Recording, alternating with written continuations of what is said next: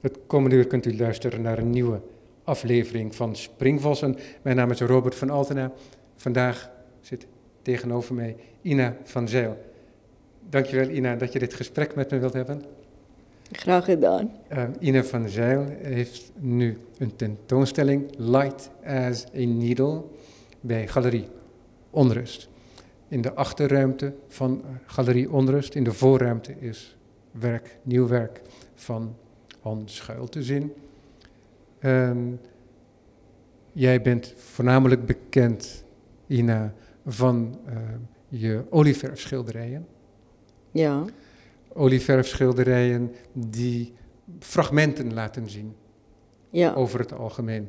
Um, of een fragment van een mens, vaak het hoofd, maar ook voeten, handen, schouders, tepels. Er komt van alles langs. Dat doe je ook met bloemen. Ja. En ongetwijfeld ook nog andere zaken, maar laten we zeggen natuur en mens.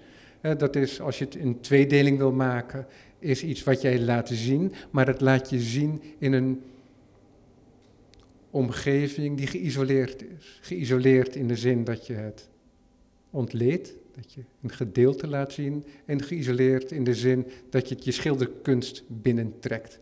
Vandaag zitten wij hier achterin bij Galerie Onrust. En dan hebben wij een hele mooie hoek met werk op papier. Hier ter rechterzijde is een soort serie.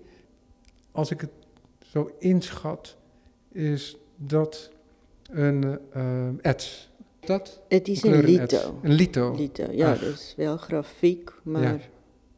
lito. Ja, en voor mij aquarel. Ja. Is dit werk wat de laatste maanden tot stand is gekomen of is het iets wat je over een grotere periode verbreid doet? Nee, dat heb ik eigenlijk, deze aquarellen heb ik eigenlijk in, aan één gemaakt, zeg maar twee weken of zo aan één. En um, daarvoor heb ik hele lange tijd geen aquarellen gemaakt. Maar hoe ik dit daar eigenlijk bij uitkwam is, ik heb meegedaan aan een project van de Ketel Factory, um, wat heet Voorjaar 2020. En zij hebben alle kunstenaars die ooit meegedaan hadden bij de Ketel Factory, die ooit al geëxposeerd hadden, gevraagd om een cahier te maken van 24 pagina's en dit kon jy invul soos jy wil. Eh, ehm um, en dit maar dit moes gaan oor voorjaar 2020 wat natuurlik nie die gebruikelike voorjaar was. En ehm um, in my boekie het ek 'n bietjie opgevat as 'n soort dagboekie, sketsboekie sonder begin en of daar is 'n soort van 'n begin en einde maar en daarin heb ek omdat ek myself echt alle vryheid heb toegelaten ook een beetje aquarelletjes gedaan, maar dan op klein schaal, op de schaal van het boekje. En um, ik heb dit zo ontzettend genoten om weer met aquarel te werken dat gevoel van die losse verf en zo'n beetje, je weet, niet zo stijf of strak en stug als mijn schilderijen. Dat ik net na het boekje dacht, oh, nu ga ik lekker los met de aquarellen. En toen heb ik deze serie gemaakt. Dus dat is hoe dit ontstond. Wat is jouw verhouding met aquarel? Maak je daar nooit gebruik van? Ook niet voor schetsen voor jezelf? Nee. Voor, voordien? Nee. Maar ik, um, voor mijn schilderijen zijn de schetsen eigenlijk, of eigenlijk voor alles wat ik maak, ook tekeningen, de lito en ook de aquarellen, is mijn schetsen eigenlijk foto's die ik maak. Maar, um, dus ik gebruik niet aquarel als voorstudie of zoiets. Als ik aquarel maak, dan is, dit, dit, dan is het ook wat ik wil maken, de eindproduct. Maar daar komt geen foto aan te pas? Jawel. Ook? Wel, ja. Ook een foto. Ja, ja maar en met de schetsen die je maakte in je cahier mm. met aquarel, was daar ook een foto aan gekoppeld? Ja, ook. ja, Al, ja. altijd? Altijd een foto, ja. ja. Ik kan niet uit mijn hoofd werken. Ja. Nou, je, hoeft ook, je kunt ook een bloem voor je hebben. Maar Ehm ja, dat is zo, maar daar sal ek dan 'n foto van maak. Dis tog ehm anders. ja, dat is, dat is zeker zo. Het is, het is al plat, Klopt. bijvoorbeeld. Ja, dis is eintlik al 'n stapje digter by het werk dan 'n driedimensionele ding. En ek heb dit hier- ek bedoel omdat dit reeds plat is, ehm heb ek meer ruimte om myself daarin uit te leef, sal ek maar sê. ja, want het is niet alleen zo dat het plat is. En het is ook zo dat een foto al een interpretatie is. Over het algemeen een overdrijving van licht en donker. Ja, Waardoor er een e- vereenvoudiging plaatsvindt al. ja, En ook in een soort. Er is al een soort kleurkeuze gemaakt daar. En daar, en dat is dan wel opvallend aan je werk, daar trek jij je in je werk niks van aan. klopt. Omdat je je eigen palet hebt. Klopt. Ja, in je olieverf schilderijen zijn dat groenen, gelen, met zwemen van blauw daarachter. Hè, maar dominant zou ik zeggen zijn groen en geel. Ja, jy kan dit so zeggen, ja. Ja, ik wil, weet je, het is altijd als je dat zo zegt, dan lijkt het net alsof dat helemaal zo plat is. Maar weet je, want je hebt, je, je, wat wel zo is, is dat jij met, met een heel duidelijk beperkt palet heel veel ruimte creëert. Dus dat beperkte palet, dat laat je opbloeien als het ware, in een soort veelkleurigheid. Ook al is het zo dat je je heel erg reduceert in de soort kleuren die je gebruikt. Nou, daar ben ek dit nie so mee eens, Want, want, want, want ik heb heel sterk de indruk dat, je, Mhm. ehm, dat er de hele regenboog aan kleuren, als het ware, in jouw werk aanwezig is. mm, Maar dat, hoe ik mij jouw werk herinner, Mm. dat is toch altijd met die dominantie van die gele en groene. En als ik je werk dan daadwerkelijk zie, dan is het als een soort toverbal. Hè, dat bedoel ik niet eh, negatief, maar heel positief. Dan zie je dat er allerlei hues en allerlei nuances in zitten, die heel rijk aan kleuren zijn. Eh, maar in mijn geheugen ehm, vindt daar een, een vereenvoudiging plaats, omdat ik me dat gewoon nooit in het geheugen kan vastleggen, omdat het beeld zo veelkleurig is. Ja, maar goed, dit als uitleg eh, mm. van eh, wat ik zojuist zei. Maar jij bent het er niet helemaal mee eens als ik zeg dat het zo gereduceerd is. Nee, maar as jy sê dat daar 'n toverbal met duisende kleure tevoorskyn kom, dan is dit ook niet gereduseer. Nee, Dus dan ben Ja. ik het weer wel nee, met je nee eens. precies. Maar dat is altijd het gevaar dat als je zo'n... zo'n Maar ik snap dat jij ehm heel vaak als 'n skildery af is, dan sien ek, oh, dit bestaat eigenlijk maar uit twee hoofdkleure, terwyl daar sit heel veel kleure daaronder of daarin. Dus ek begryp wel as jy in jou herinnering een of twee kleure het dat jy maar dat wat ek dink wat waar ek dit nie mee eens ek sien dit nie as 'n reduksie nie. Ja, want reduksie klink asof dit heel opsetlik gedaan is terwyl dat dit uiteindelik in een of twee hoofdkleure uitkom dit Ja. is nie opsetlik ja. dit Ja, want wat heel interessant is, vind ik, is dat er toch een heel duidelijk onderscheid zit tussen je werk in aquarel en in je olieverfwerk. Mhm.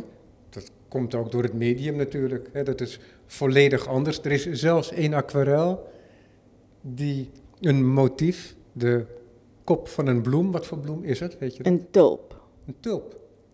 Ach ja, dat is een hele mooie barokke tulp. Ja, ik zie het nu inderdaad. Omdat je, want ik dacht dat het misschien eigenlijk maar een heel klein bloempje was aan een Nee. stengel en dat het een bloem was die ik niet kende. Maar ik begrijp het nu inderdaad. En, maar er hangt aan het begin van de tentoonstelling, als je binnenkomt, hangt er een schilderij.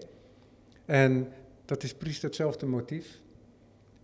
En dan moet de luisteraar begrijpen dat dat schilderij inderdaad volledig bedekt is met verf. ja Ja, dus er is een achtergrond opgezet en die, die, die tulpenkop die er zo in steekt, van links naar rechts, net naar beneden neigend. En je zou kunnen zeggen dat die tulpenkop ook iets animaals krijgt.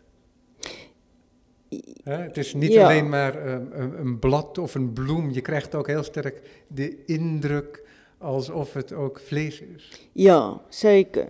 Ik denk misschien in het schilderij nog meer dan de, de aquarel. Krijg je dat idee van Ja. vleesigheid? Ja. Ja, dat is zo. Het belangrijke onderscheid is dat je met aquarel anders werkt. Dus, dus, Ja. de, dus de materie vraagt eh, om een andere benadering. Ja, ja. ehm, ik weet niet wat ik daarop moet zeggen. Ehm, dit is zo'n andere materiaal. En aquarel is, is een heel snelle manier van werken. En ehm, dus je maakt, dit, dit is amper meer als een schets. Want daar zit ook geen achtergrond in. Of de achter de lege vlak van de blad laat ik leeg. Ik bedoel, dat is, Ja. dat is de achtergrond. Ja, ja, je ziet, Terwijl het, je bij ziet me- het motief, de, de, de bloem, hè? Ehm, die zie je, of de knop, die net ont, de bloem die net ontbot, die zie je tegen een, witte achtergrond, of een neutrale achtergrond, en dat is gewoon het papier, het onbewerkte papier. Ja.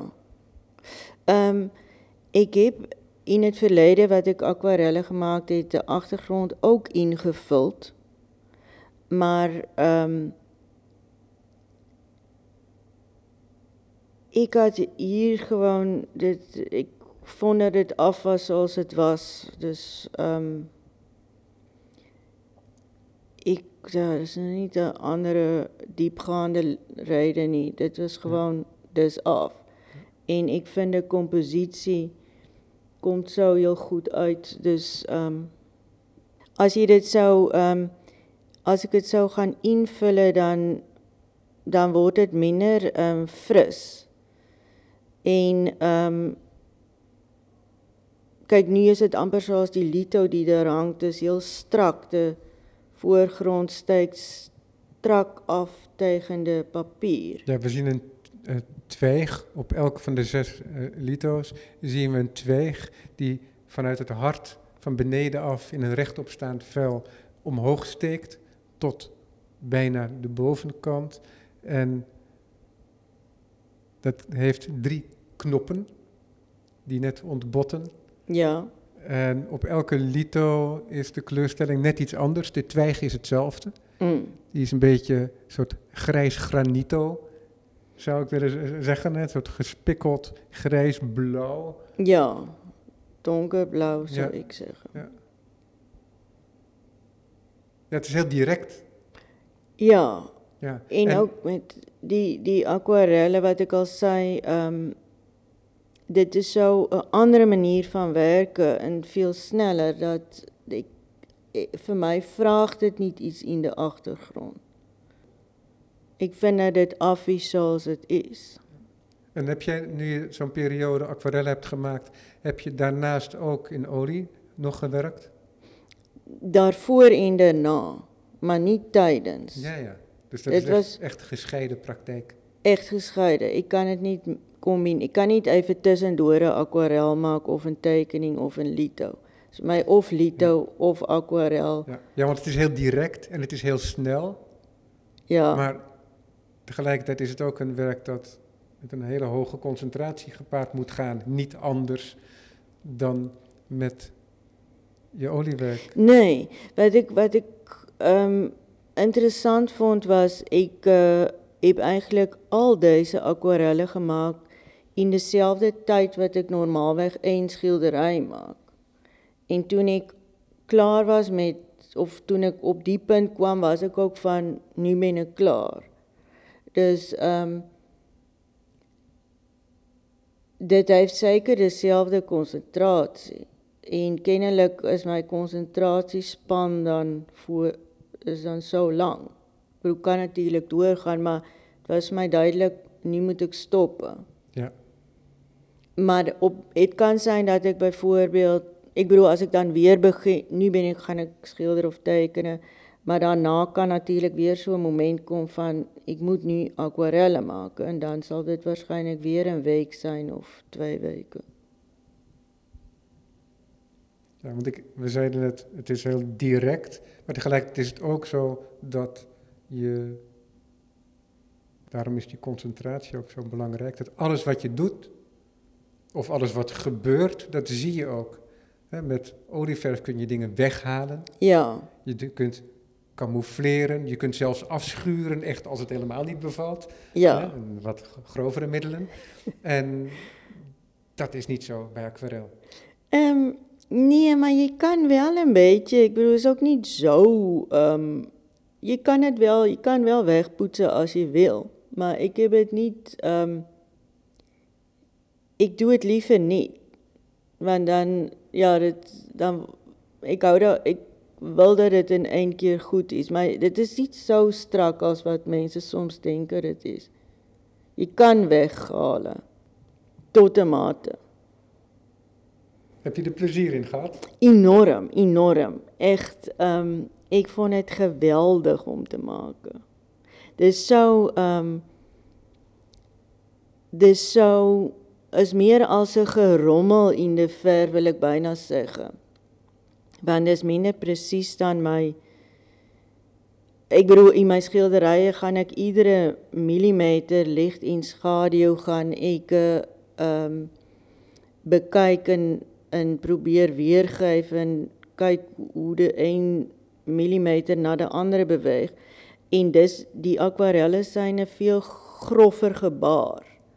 Dis losser en ehm um, byvoorbeeld as jy kyk na zo'n um, takje met twee knoppen eraan. Dat, dat is eigenlijk een soort centraal beeld. Want um, het is in die wand waar ik dan recht tegenuit zit, daar heb je één centraal beeld. Het zijn wat dunnere twegen met mooie gekrulde bladen en die een, kelk introduceren. Maar dat is wat gereduceerd in kleur en dat beeld dat ligt wat dieper ten opzichte van de omringende uh, bloemkelken en knoppen. En daarbovenop zit eigenlijk uh, zo'n twijg weer die van onderuit naar boven steekt met twee mooie, volle, ontbottende knoppen. Ja, dit is 'n dis dieselfde ehm um, beeld eintlik as wat ek ook op die Lito gebruik het, maar dan um, gedeelte daarvan. Maar byvoorbeeld as jy die om die knoppe fisiek te maak of ook degene net links daarvan. Ehm jy kan sien daar sit heel veel kleure in en ehm fisiek vind ek dit geniet ek daar enorm van om de verf gewoon zo rond te schuiven en um, en te zien vloeien op het papier. los, ja, ja, en dan een beetje kleur erin en dit vloeit dan weer door de andere kleuren heen. Dit is veel um, is veel losser. Ja. Ja, het is, het is wel interessant omdat je bij waterverf dat gevoel hebt dat je het werk veroorzaakt. Je maakt het, maar het is ook zo dat je inderdaad op zo'n nat veld, als je dan weer een nieuwe kleur introduceert, dan zie je die nieuwe kleur er zo inderdaad in lekken en zijn eigen weg vinden. Klopt. En dat kan jij dan weer sturen vervolgens. Maar, ja, ja, ja. Dus, maar ik kan me voorstellen dat je ook ehm, um, toeschouwer bent op een bepaalde manier van een gebeurtenis als je dat maakt. Zeker, zeker. En dat, dat is heel um, verrassend eraan. Of dat maakt het ook heel spannend, maar ook wel dat je goed moet opletten. Maar um, ja, dus dat is, um, dat is zeker zo. Dat je ook toeschouwer bent. Heb je dat vanaf het begin al gedaan in je praktijk, dat je fragmenten hebt geschilderd? Sinds ik zeg maar klaar gestudeerd ben, wel ja. ja. Dit is trouwens wel voor mij een vorm van reductie. Want omdat jij daar eerder die woord gebruikte ja. en ik zei dat het voor mij iets bedachts is, um, dus dat die fragmente dit vind ek is wel bedacht en dit is wel reduksie. Ek ben altyd ek heb altyd met my werk en ek hou ook veel sowieso daarvan as ek hou nie van onnodige dinge. Ek hou nie van onnodige spulle. Ek hou nie van onnodige woorde en tekste. Ek hou nie van onnodige woorde as jy praat. En ook in my werk heb ek geprobeer om alleen dit wat ek echt vind noodsaaklik is uh in het beeld te sette. Dus um dit is dan 'n fragment. Ja, want wat heel interessant is, is dat jij als basis van je schilderkunst fotografie gebruikt. Mm. En je zou kunnen zeggen dat je daarmee wat verder af komt te staan, want daardoor komt het dichter bij het platte beeld te staan al, maar je komt wat verder af te staan van het gefotografeerde onderwerp. Mm. Maar tegelijkertijd is het ook zo dat je als kijker, dat is mijn positie, ook heel sterk de indruk hebt dat, je, dat er daardoor juist een hele hoog geconcentreerde observatie plaatsvindt.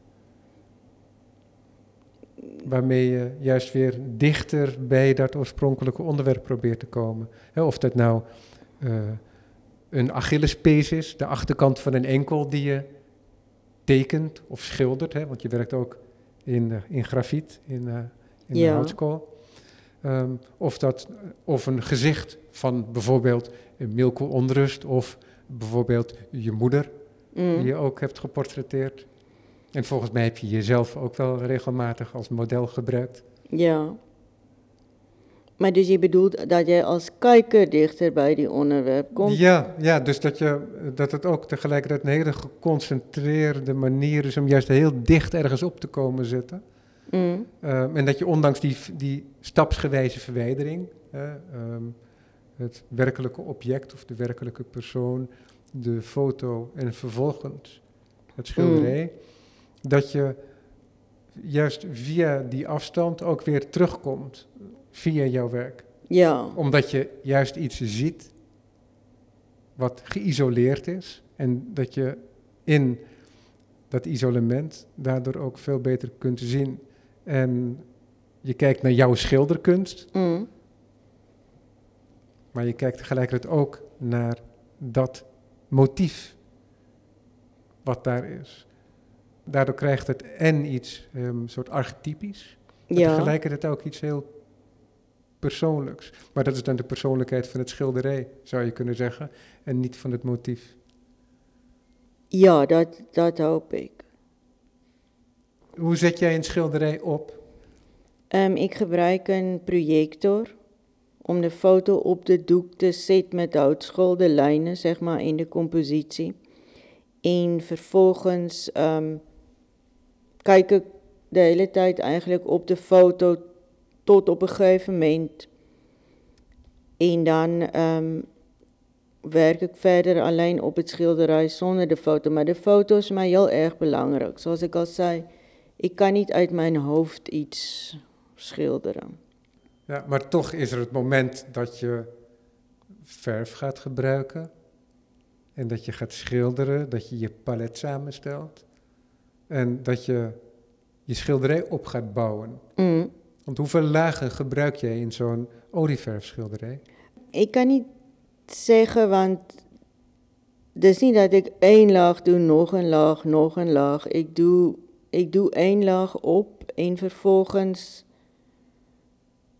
kyk sommige dele van my skildery heeft maar een heeft eintlik maar een laag of een laag met 'n heel klein bietjie tweede laag op. Terwyl ander gedeeltes heeft veel meer lae op. Ja. Dit wisselt. Dit is hoe hoe moeilik ek dit vind om dit te kry soos ek dit wil hê. So hoe hoe dikker die verf is op 'n plek, dan kan jy sien dit dit ging moeilik. Terwyl as dit dun is, dan was dit ehm um, sommige skilderye skilder is asof sy zich van self skilder. Dan heb ek ook minder verf nodig want dit kom, is al heel snel dit wat ek wil. En kan je daar een vinger achter krijgen hoe dat dan komt, dat het soms zo gemakkelijk gaat? Geen idee. Ik denk als ik dat ehm, wist, dan, ehm, ja, dan was het, heb ik misschien ook niet meer geschilderd. maar ieder schilderij, je kan, ik kan totaal geen vinger erop leggen. Soms gaat het, denk ik, oh, dit is echt, gaat moeilijk worden. Maar dan is het binnen twee dagen klaar.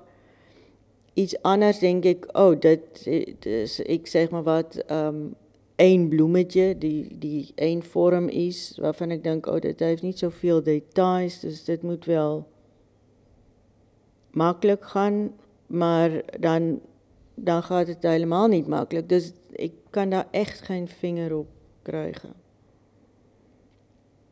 En is het dan ook niet zo dat het in de loop van de jaren, want je schildert al enige tijd, Ja, eh, dat, dat, dat daar een gemak in ontstaat? nee. Omdat het altijd Nee. eigenlijk weer anders moet. Ja, en je weet nooit wat het schilderij wil. Dis niet een recept. Je kan wel Dat is denken. wel mooi om dat zo te zeggen. Ik heb één keer een gesprek gehad met een botenmaker. Mm, Dat is iemand die met de hand houten boten maakt. En hij kreeg een ontwerp van iemand, Mm. een bootontwerper. En Piet heette deze man. Piet, wil je deze boot voor maken? Nou, dat wilde Piet wel.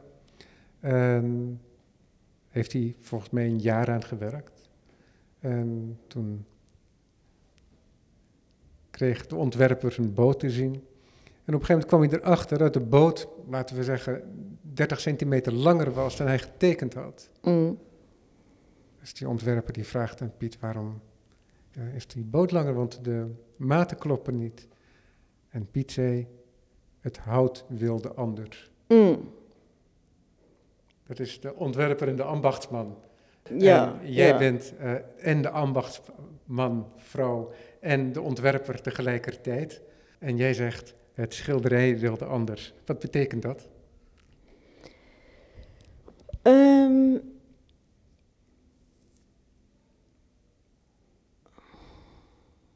Hoe moet ik dit... ehm,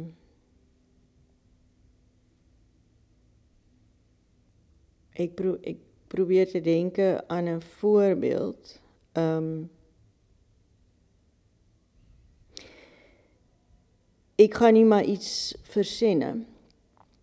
Gestel jy jy skildert 'n portret en ek kies 'n foto, ek maak foto's van iemand en ek kies 'n foto uit en wat my in die foto aantrek, byvoorbeeld is ek sê maar wat dat diegene hele mooie oorbelle aan heeft die heel mooi glinster en ek dink, "Ag, oh, dit gaan ek so so lekker skilder met 'n ehm um, wette steppel. Jy weet, ek ek kry wat ek al sê, soos ek by die akwarel so lekker in die verf gaan. Ja. Ek sien dit al so voor my. Dus ek kies die die foto uit ook vanwege die oorbel. Maar dan ek Maar, begin maar dus in je overweging zit al het maakplezier, ja, dit maak het toekomstige plesier. plezier van het maken opgeborgen. Ja, presies. En ek dink, "Ag, oh, dit ek kies die foto want ek moet deze oorbel skilder." Ehm um, en vervolgens ehm um, begin ek met dit skildery en ek ek sien byvoorbeeld maar uh, deze persoon ehm um, of dit skildery as ek kyk na die kleure of na die die vlakke, die vlakverdeling van 'n skildery, dan pas daar op die plek helemaal geen wette glinsterende objek, want byvoorbeeld daardeur word dit skildery uit balans. Byvoorbeeld Ja.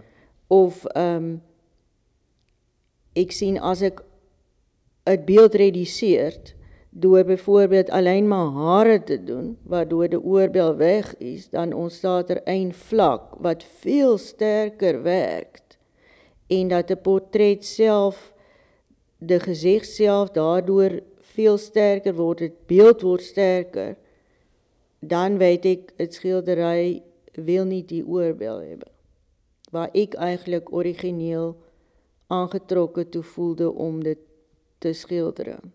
Dus Ja. dan Dan is het wil, heel het, dan wil het schilderij 'n anders. skildery wil Ja. anders. Maar het is wel heel interessant dat je zegt dat zo'n aanleiding ook, laten we zeggen, gewoon de pure schilderslust is.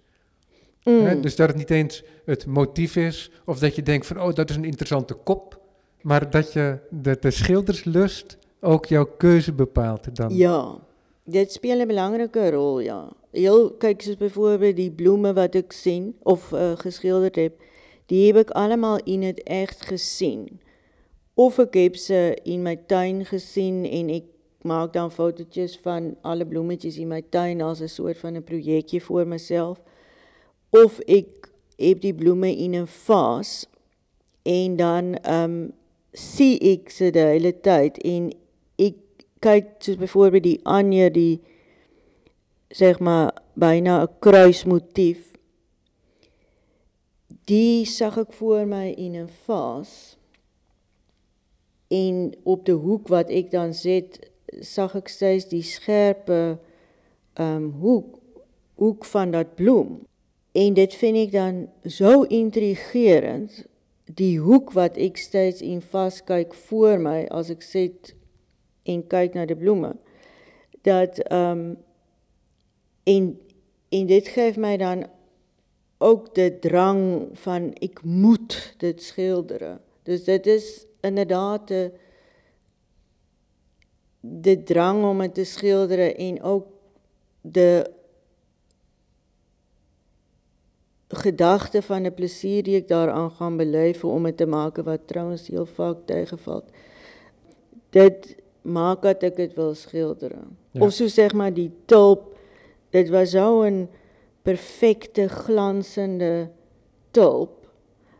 En die vorm is zo strak dat ik, um, ja, dit, ik, ik moet daar iets mee.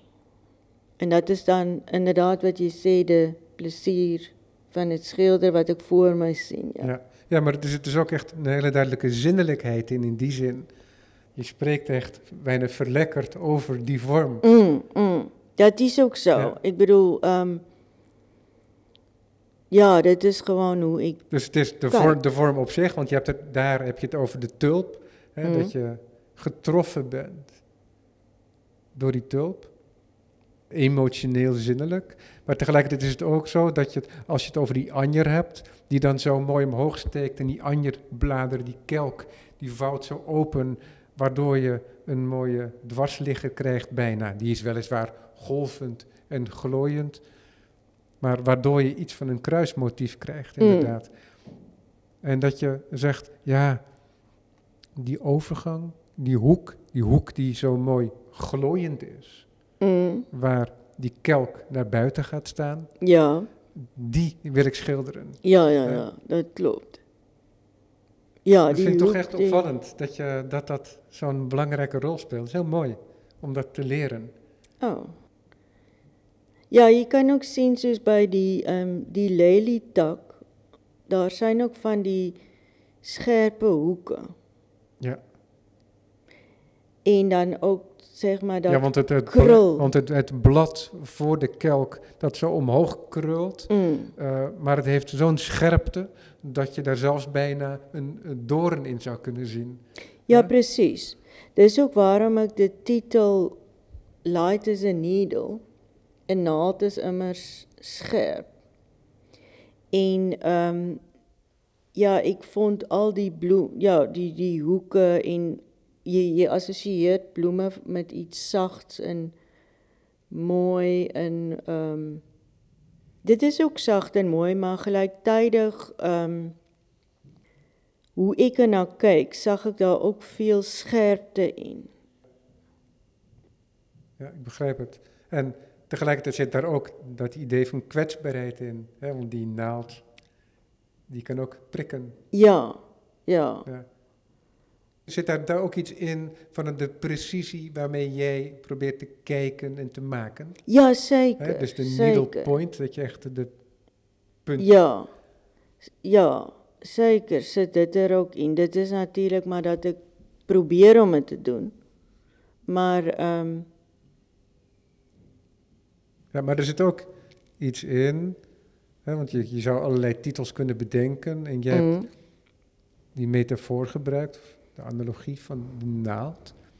Iets wat je niet zo snel zou denken. Hè? Want als je die naald denkt, dan krijg je in associatie ermee bijna ook zoiets als wat je met een vlindercollectie hebt. Die opgeprikt zitten op een naald, zoals Mm. jij die bloemkoppen als het ware opprikt op een naald. Dus er zit ook iets, een lichte vorm van geweld zit er ook zo in verscholen, zou je kunnen zeggen.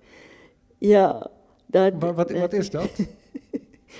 Ehm, Want dat geldt niet alleen voor die aquarellen en in die titel, hè, want het lijkt nu heel gezocht wat ik zeg. ja, Maar er zit ook zoiets in, jouw in jouw olieverfschilderijen. Er zit altijd er zit toch een bepaalde vorm van geweld in, ook al zijn die beelden helemaal stil. Het is misschien heel plat om dat zo te zeggen, dat wil ik ook niet. Maar er, zoiets komt wel op. Misschien kom ik tot een betere karakterisering zo dadelijk. Maar dat je, je isoleert die elementen. En maar in de, de, in de manier waarop in je penseelvoering, maar ook in je, in je kleurkeuze, er zit iets in waardoor je schilderijen zwanger zijn ook van een soort onheil. ja, dat is zo. Ehm, En dat onheil, dan zou je kunnen zeggen, hè, komt ook weer terug in jouw gebruik in de titel van de naald.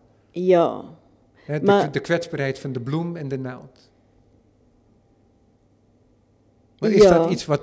wat je, nou overstelp ik je met allerlei vragen en kom je niet meer tot een antwoord. Maar is dat iets wat je bewust doet?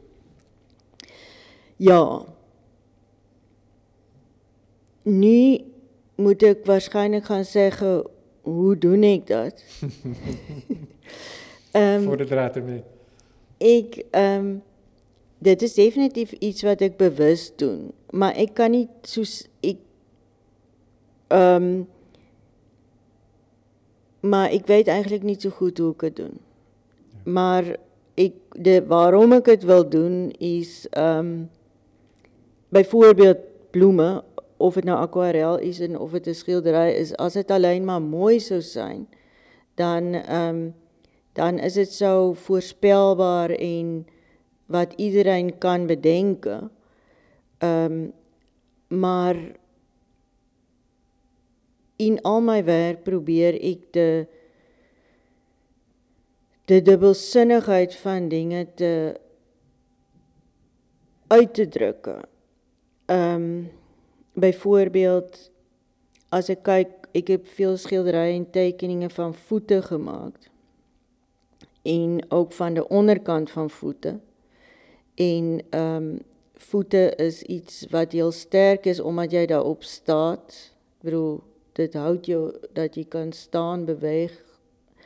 Dus is kragtig, maar gelyktydig ehm de onderkant van die voete, die sien jy alleen op 'n moment wanneer iemand heel erg kwetsbaar is. Dis as die ligt. En ehm ek vind dat in die natuur en in 'n mens wat onderdeel is van die natuur, is er ontsettend veel dinge die mens eintlik overheen kyk, maar wat almal dat in zich houde van enorme krag en enorme kwetsbaarheid. Ehm soos byvoorbeeld ook de vele skilderye die ek van vaginas gemaak het. Dat is ook 'n enorme krag en 'n enorme kwetsbaarheid. Um, en dit is eintlik wat ek met my werk probeer uit te druk. Dus ek dink dat element van geweld ehm komt voort uit het feit dat dit wat ek afbeeld ook heel kwetsbaar is. Dus kwetsbaar voor geweld. Nou, dat is toch uiteindelijk een heel mooi antwoord dat je me zo geeft. Ina. Dank je. Ja. Ja. ja, want het is interessant natuurlijk dat het echt uitgedrukt wordt. Hè? Het wordt niet gezegd. Het is niet dat het een concept is. Het is ook niet zo dat dat direct voortkomt uit je onderwerpskeus. Nee. Want daar zou je alle kanten mee uit kunnen gaan. Ja. Maar door jouw specifieke manier van schilderen, komt dat naar voren. Hè? Dat geldt met name, denk ik, voor je olieverfwerk. Mm. Dat dat tot uitdrukking komt in je palet en de huid van je schilderijen. En ook misschien wel de voortdurende concentratie op die elementen waarvan je bij de kijker de vraag zou kunnen oproepen, maar waarom elke keer die elementen en waarom weer die voet en waarom weer die vagina en waarom en dat je kijkt en dat je door die herhaalde vraag ons ook er voortdurend bovenop drukt. Daarbij worden wij dan ook geholpen door je schilderkunst, Mm. die tegelijkertijd ook op een bepaalde manier, eh, bij mij althans, eh, een dubbele reactie oproept. Dat het uitnodigt, hè, de verlekkering die jij hebt bij het willen maken, die kan ik hebben bij het kijken en het ontdekken van je schilderij, van de verf. Maar tegelijkertijd ook dat het afstoot. Mm. En dat is heel, voor mij is dat een hele duidelijk onderdeel van mijn ervaring van jouw schilderijen. Die, die spanning tussen die twee polen. Ja, oh, dat is goed om te horen. Ja. Want dat is immers wat ik wil. Maak jij lange dagen in je atelier? Ehm, nee. Denk ik. Nee, niet zo lang. Denk ik. Ik bedoel, is maar wat, wat je lang vindt. Ja, oké. maar Maar hoe, ik, ehm, hoe, hoe laat heb jij een vaste tijd dat je je atelier binnenkomt? Nee. My, my dagen is iedere dag iets anders. Behalve wanneer ik een schilderij maak, dan, ehm, dan doe ik niks anders. Dan, ehm, wat ik kan laten, laat ik dan even wachten. En dan, ehm, waarom ik niet 52 weken per jaar dus waarom ik geen 52 schilderijen maak per jaar? Want ik kan niet iedere week een schilderij maken. Ja. Eh, want ik moet ook, daar moet ook andere dingen gebeuren en ik moet ook bijkomen van een, een schilderij. Want dat is nogals voor mij een uitputtingsslag. Dus ik zou bijvoorbeeld, ehm, Maar dat is een uitputtingsslag omdat je zo geconcentreerd één periode aan één werk schildert. En dat je dan in- in een bepaalde periode veel uren maakt? Of is het ook emotioneel uitputtend? Allebei, allebei. Want ehm, behalve dat ik de dingen die ik schilderde, ehm, nou ja, behalve de plezier die ik daar aan denk te beleven en de dubbele, dubbele betekenis wat ik aan het beeld kan zien, ehm, heeft het eigenlijk altijd ook een heel persoonlijke uh, reden waarom ik kies, waarom ik iets kies. En, ehm, en soms weet ik niet eens precies wat is de persoonlijke reden voor iets. Maar dan als schilderend kom ik het achter. Ik je weet, door herinneringen of ehm, iets wat ik zie in het beeld, omdat ik zo goed kijk, herinner ik iets en dat kan ik nog als emotioneel uitputtend vinden, ja. Ja, net zoals dat woorden ons beter kunnen doen zien, Mm. is het ook zo dat je al als mens überhaupt, maar jij als schilder al tekenend en schilderend ook kunt doordringen tot, tot je eigen werk, tot je eigen overwegingen. Klopt, Ja. Dus dat het schilderij jou als het ware iets laten zien. klopt. Definitief. Want kijk dus bijvoorbeeld wat ik al zei, ik kan denken, oh ik moet dat schilderen, want ik kan het niet nalaten. Maar dan als ik het eenmaal doe, dan realiseer ik mij, oh maar dat, dat is ook een reden waarom ik dit moest doen. Of dat ook, of dat ook. Dus ehm dis ook 'n soort ontdekking. Door het te maken ontdek jy dinge. Ja. Ontdek ek dinge Ja, want het ehm, is niet van iets- myself. ja, want het is niet iets waar je naar op zoek kunt gaan. Nee, presies. Dit kom langs Ja. in 'n proses. En dit is Dit is ehm um, soos jy miskien wel kan bedenke, dit is ontsettend bevredigend as jy dan Als het lukt. Ja, en as as jy realiseer o, maar natuurlik moes ek dit maak eh, vanwege die of die rede wat jy nie van tevore bedag het, maar as jy dit almakende ontdek, dat is natuurlik die rede of dat. Dus is dit dit dit is dan asof de ehm um, vanzelfsprekendheid van waarom jy iets moes maak veel duideliker word. Ja, ja, maar dat is daadwerkelijk inzicht dat onder de penseel ontstaat. Ja. En dat is ook niet iets wat je kunt reproduceren. Nee. Dus jij werkt niet elke week op dezelfde manier? Nee. Ben je dan niet alleen maar met je schilderkunst bezig? Ja, bijvoorbeeld zoiets, maar kan ook zijn dat ik um, een dag voel ik moet ontspannen en dan zal ik een dag um, bijvoorbeeld in mijn tuin werken of zoiets anders doen.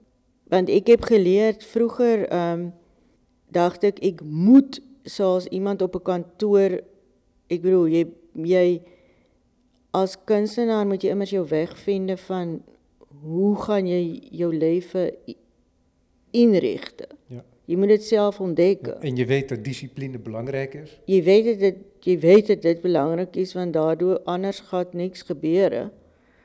En um, dus toen had ik duidelijker van, ik moet iedere dag uh, veel strakker stramien. Maar op een gegeven moment kwam ik erachter van, ik kan liever, um, wanneer ik echt te moe voel, mentaal of um, fysiek of emotioneel, kan ik liever een dag iets anders doen. En dit, want dit levert mij veel meer op. Ik moet, wanneer ik werk, dan moet ik echt zo gefocust zijn dat ik moet, uh, ik moet fris genoeg zijn. Ik moet genoeg kracht hebben. Ik kan niet iedere dag een beetje doen, zo nee. Voor mij is werken een ontzettende intensieve proces. Ik geniet het ook hoor. Het is niet um, dat die intensiteit het alleen maar zwaar maakt. Het is zwaar ook. Maar... het is niet alleen maar een struggle, een strijd. Nee, dit, ik kan daar ook ontzettend van genieten. Dus, maar dit is ook een strijd. Dus is allebei. Maar ik weet nooit van tevoren gaan het nou, wat ik al eerder in de gesprek zei, soms gaat iets vanzelf. Maar ik weet het nooit van tevoren, dus ik moet altijd zorgen dat ik genoeg energie heb. Want het kan niet zo goed een enorme strijd worden. En bedenk je dan bijvoorbeeld van tevoren, ik ga nu een selectie maken van een aantal foto's en daar ga ik me de komende week op concentreren. Denk jij, werk je bijvoorbeeld aan meerdere beelden tegelijk? Nee. Dat, dat bestaat niet. Hè? Omdat je in de olie werkt, waardoor je ook gedwongen bent om traag te werken. Dat zeggen mensen altijd. Maar dat is niet zo voor jou? Nee, voor mij is het niet zo. Ik, um, ik zie niet hoe je traag moet werken. Omdat je soms moet wachten misschien op het drogen van een laag voordat je weer door kunt gaan. Helemaal geen nee, problemen mee. Ik, ik doe dat niet. Ja. Of werk je heel dun? Nee, volgens mij niet. Ik, wil, ik vind dat die verf veel te snel droogt. Want het droogt snel, het droogt binnen een dag soms. Ligt eraan wat je daar doorheen gooit. Maar um, nee, ik, ik, als ik begin met werken, dan kan ik het niet loslaten tot het af is. Dus um, ik kan ook niet in die tijd echt ontspannen. Ik denk ook niet dat ik dan al te aangename gezelschap ben. Dus, um, dus ook als je niet in je studio bent, dan zit dat schilderij nog steeds in je hoofd en houdt dat je nog steeds bezig? Um, dis niet zozeer dat de schilderij ja, dit houdt mij een beetje bezig, maar niet dat ik dit probeer oplossen als ik thuis ben of gaan slapen, maar de de spanning en de stemming blijft in mij tot dit af is en dan kan ek weer ontspanne en dan kan my stemming ook weer 'n bietjie Ja, ja. ontspannen. Ja, ja, dus je bent eigenlijk verbonden met het schilderij. Hè? Dat schilderij zit nog gedeeltelijk in jou, zou je kunnen zeggen. Ja. Ehm, zonder daar esoterische bedoelingen bij te hebben, bij die uitspraak. En, en het is niet zo dat jij een soort projectie in je hoofd hebt, waardoor je nog aan het schilderij doorwerkt of iets dergelijks, maar dat je meer in de concentratie zit van zo'n werkperiode. Ja, en en en wat ek al sê, dis spanning. Want ek weet ek heb nog steeds het idee as ek begin dat dit my nie gaan lukke om dit te te laat werke. Dis die dit dit veroorsaak 'n enorme spanning. Dus alvorens dit dis ook denk ek waarom ek Ja, ik denk dat, sorry dat ik je onderbreek, maar ik Mm. denk dat het voor mensen die geen kunst maken, dat het best moeilijk is voor te stellen. Dat je ieder schilderij weer, dat je je daarmee zelf in de waagschaal legt, als het ware. ja. En dat je daarin probeert iets te doen wat je nog nooit eerder hebt gedaan. Ook al kan ik een nieuwe schilderij herkennen in voorgaand werk van jou. Ja. Hè? Wij hebben altijd als toeschouwer de blik vanuit het laatste werk naar het vroege werk of andersom. Mm. Dus daar is altijd een zekere logica zit daarin. Maar jij als kunstenaar, het is niet de eerste, keer- de eerste keer dat dit ter sprake komt, en jij Mhm. als kunstenaar kijkt juist altijd daarheen waar dat werk nog niet is. Ja. Hè? Wel op basis van het gemaakte, Ja. maar je probeert een werk te maken dat er nog niet is. Ja. En dat levert die spanning op. Ja, dat levert veel spanning op, ja. Dis byna van jy geloof dit nie voor jy dit nie sien dat dit gelukt is. Jy kan bedenke maar jy kan dit tog want kyk jy het al 100 andere skilderye gemaak. Herken je dat direct Wat? als een werk gelukt is? Of heb je soms tijd nodig om je eigen werk te herkennen en te erkennen? Nee, ek heb veel tyd nou. Ek ek ek weet wel of ek dink te weet wanneer iets af is, maar ek weet nooit is dit nou echt goed of is dit gemiddeld of is dit swak. Dit kan ek dit dit weet ek eintlik nooit. Alhoewel ek het onlangs iets gemaak waarvan ek dacht dit is niet so sleg. Dus ehm nee, soms heb ik het wel, maar niet ehm ik vind het moeilijk om te weten is het goed of niet. Ik weet het nog steeds niet eigenlijk. Ik weet niet of andere kunstenaars dat wel weten, maar Maar toch zou je kunnen zeggen, dat er is, er is misschien altijd een zekere twijfel, maar ik denk dat de meeste kunstenaars toch wel her- een goed werk wel herkennen. van zichzelf. Ja, ik hoor toch weinig dat je zoals, eh, anekdote, ehm, Willem de Koning Mm. in zijn studio werkt een jaar lang aan een vrouwsfiguur. Op een moment dat het eigenlijk verboden is, hè, volgens eh, het eh, politbureau van de abstracte kunst, om aan figuratie te werken, Mm. werkt hij aan een vrouwsfiguur. En dat wordt dan uiteindelijk Woman One. Hij werkt er een jaar aan, zet hem uiteindelijk op de gang, gaat ergens anders zijn werk. Op een gegeven moment komt er een criticus langs en die ziet dat ding op de gang staan. Bill, wat is dat ding op de gang? Nou, Bill haalt hem tevoorschijn. En na wat gepraat en gedoe werkt hij er een week aan. Mm. Hij verplaatst nog uit de doek op het spierraam, waardoor je aan de linkerkant nog een soort baan ziet en zo. En maakt het in een week af. En dat is Woman One. En vervolgens ja, knalt hij die dingen er bijna uit. Zo. Mm. Mm. En ehm, dus hij herkende zijn eigen werk ook niet. In die zin. Dat is natuurlijk een heel mooi romantisch voorbeeld. Maar dat is ook een voorbeeld voor iets wat ik bijna nooit tegenkom bij mijn gasten. Wil Ja. ik maar zeggen. Ja, ja, ja. Ja. Ja, ik heb dat